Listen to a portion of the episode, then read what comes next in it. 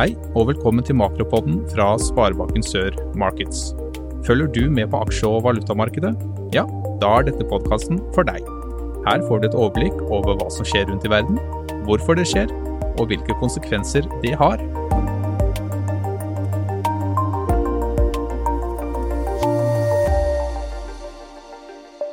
Da sier vi vel møtt til en ny utgave av Makropodden fra Sparebanken Sør Markets. Mitt navn er Jan Egil Norheim. I dagens Makropod skal vi høre om eh, at det fortsatt er inflasjonsspøkelset som rir de fleste markedene. Inflasjonen holder seg høy, og ser foreløpig ikke ut til å bli redusert på tross av kraftige renteøkninger fra sentralbankene. Aksjemarkedene frykter at de kraftige renteøkningene vil redusere veksten i økonomien, og vi skal også se og høre om hvordan situasjonen er både i USA, Kina, Europa og her hjemme i Norge. Og så skal vi også se på hva vi tror når det gjelder renteutviklinga og den økonomiske utviklinga framover. Men eh, la oss begynne med tre eh, nøkkelord i øyeblikket. Inflasjon, renter og resesjonsfrykt. Inflasjonsfrykten er jo, og inflasjonen er jo blitt et kjempeproblem både for USA og Europa inkludert Norge. Sentralbankene bruker renten aggressivt for å få bukt med inflasjonen. Og eh, så er jo spørsmålet hva vil det bety for veksten?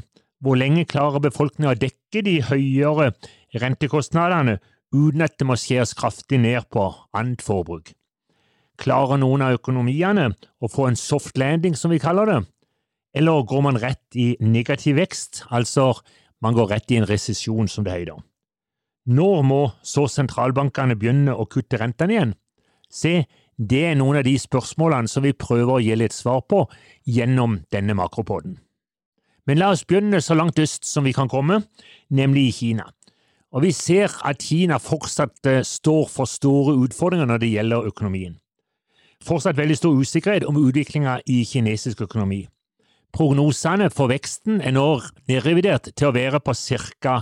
0% Vi har jo vært vant til at eh, kinesisk økonomi går ca. 5-6 oppover hvert eneste år.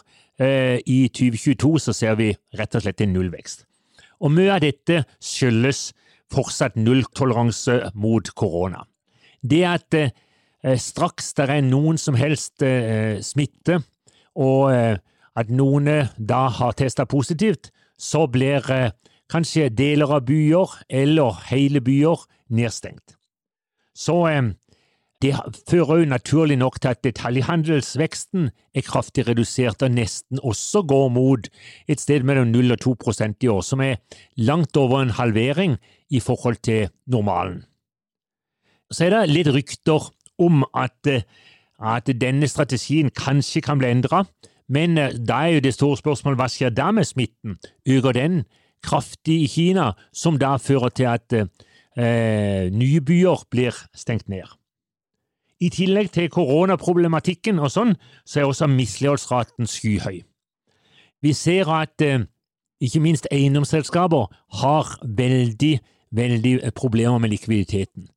Det har jo vært sånn at disse store eiendomskonglomeratene eh, har eh, bygd forskrekkelig mye leiligheter og sånn, og hundretusenvis av kinesere skal da kjøpe disse leilighetene, eh, og eh, har da betalt på forskudd.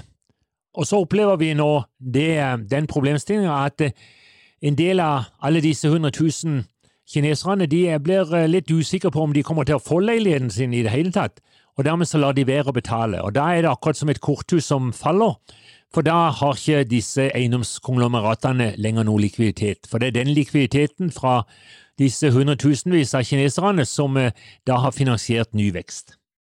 I tillegg til det så blir ikke saken bedre av at eh, det er innført nye sanksjoner fra USA mot kinesiske teknologiselskaper. Det gjør eh, situasjonen vanskelig for mange av disse selskapene.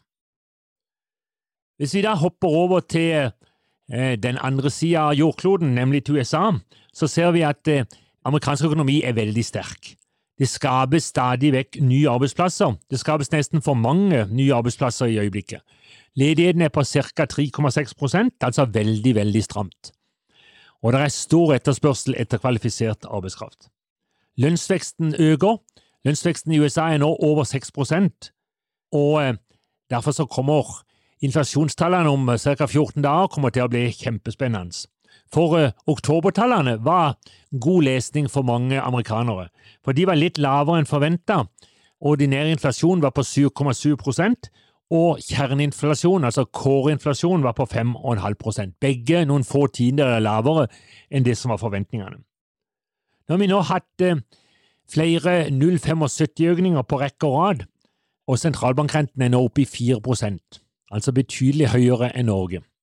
Så venter vi en halv prosent på nytt nå på desembermøtet, og så venter vi også noe renteøkninger i første kvartal 2023.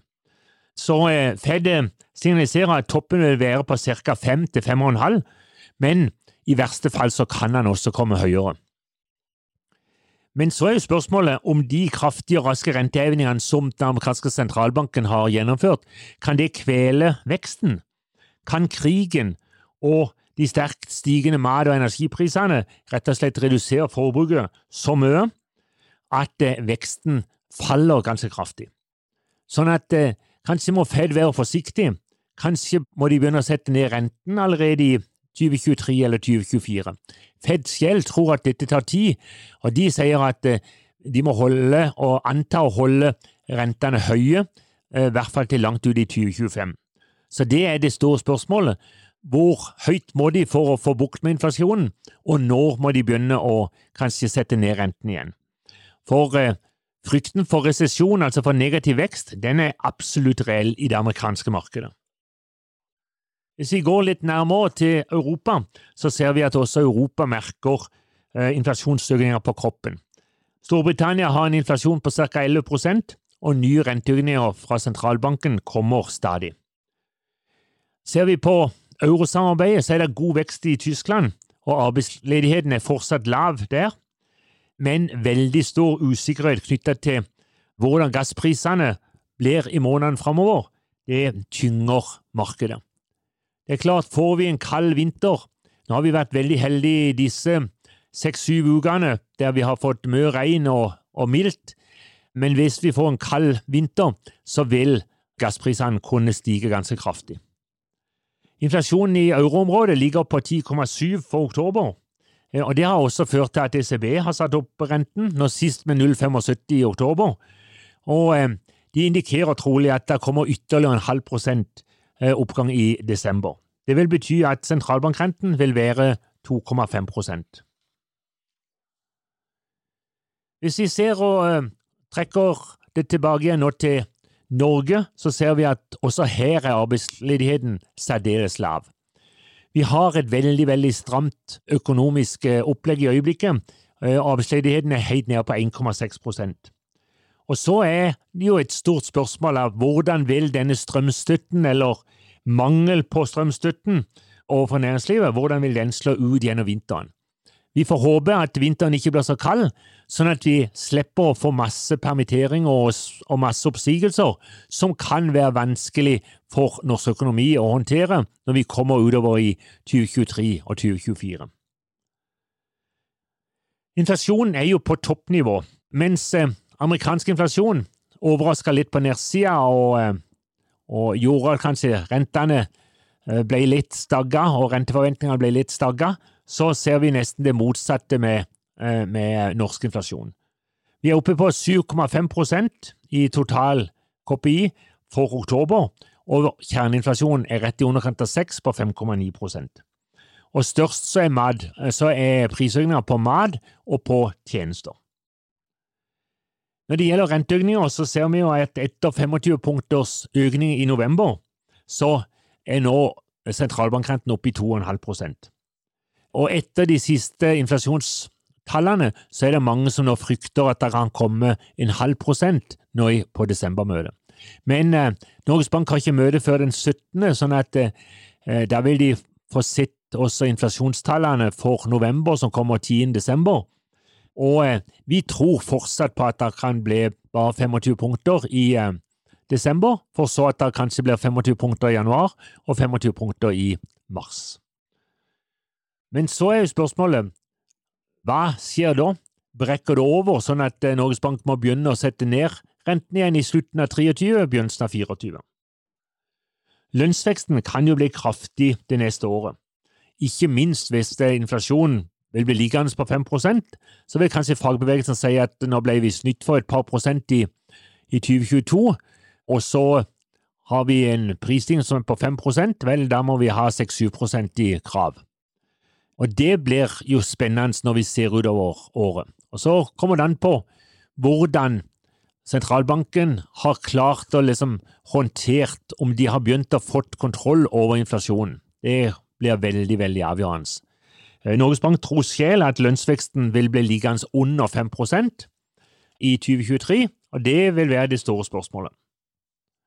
Ellers så tjener jo Norge penger som aldri før.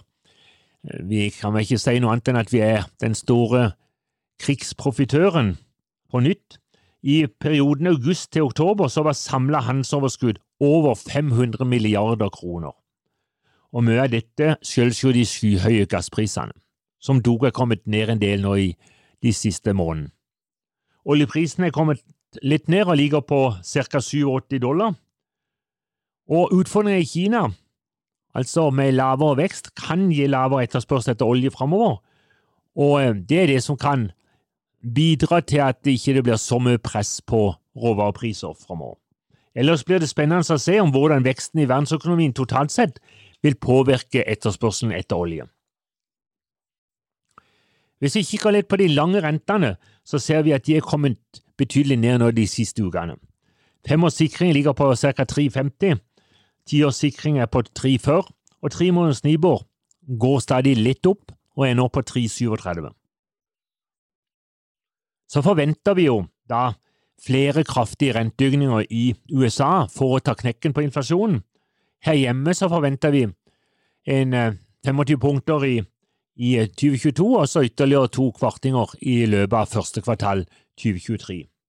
Så er jo spørsmålet hvor høyt kommer vi, og hvor fort kommer det at Norges Bank igjen må begynne å redusere rentene? Og Så er også spørsmålet hvor høyt vil de flytende rentene, altså tre måneders Nibor, hvor høyt vil de komme før nyttår?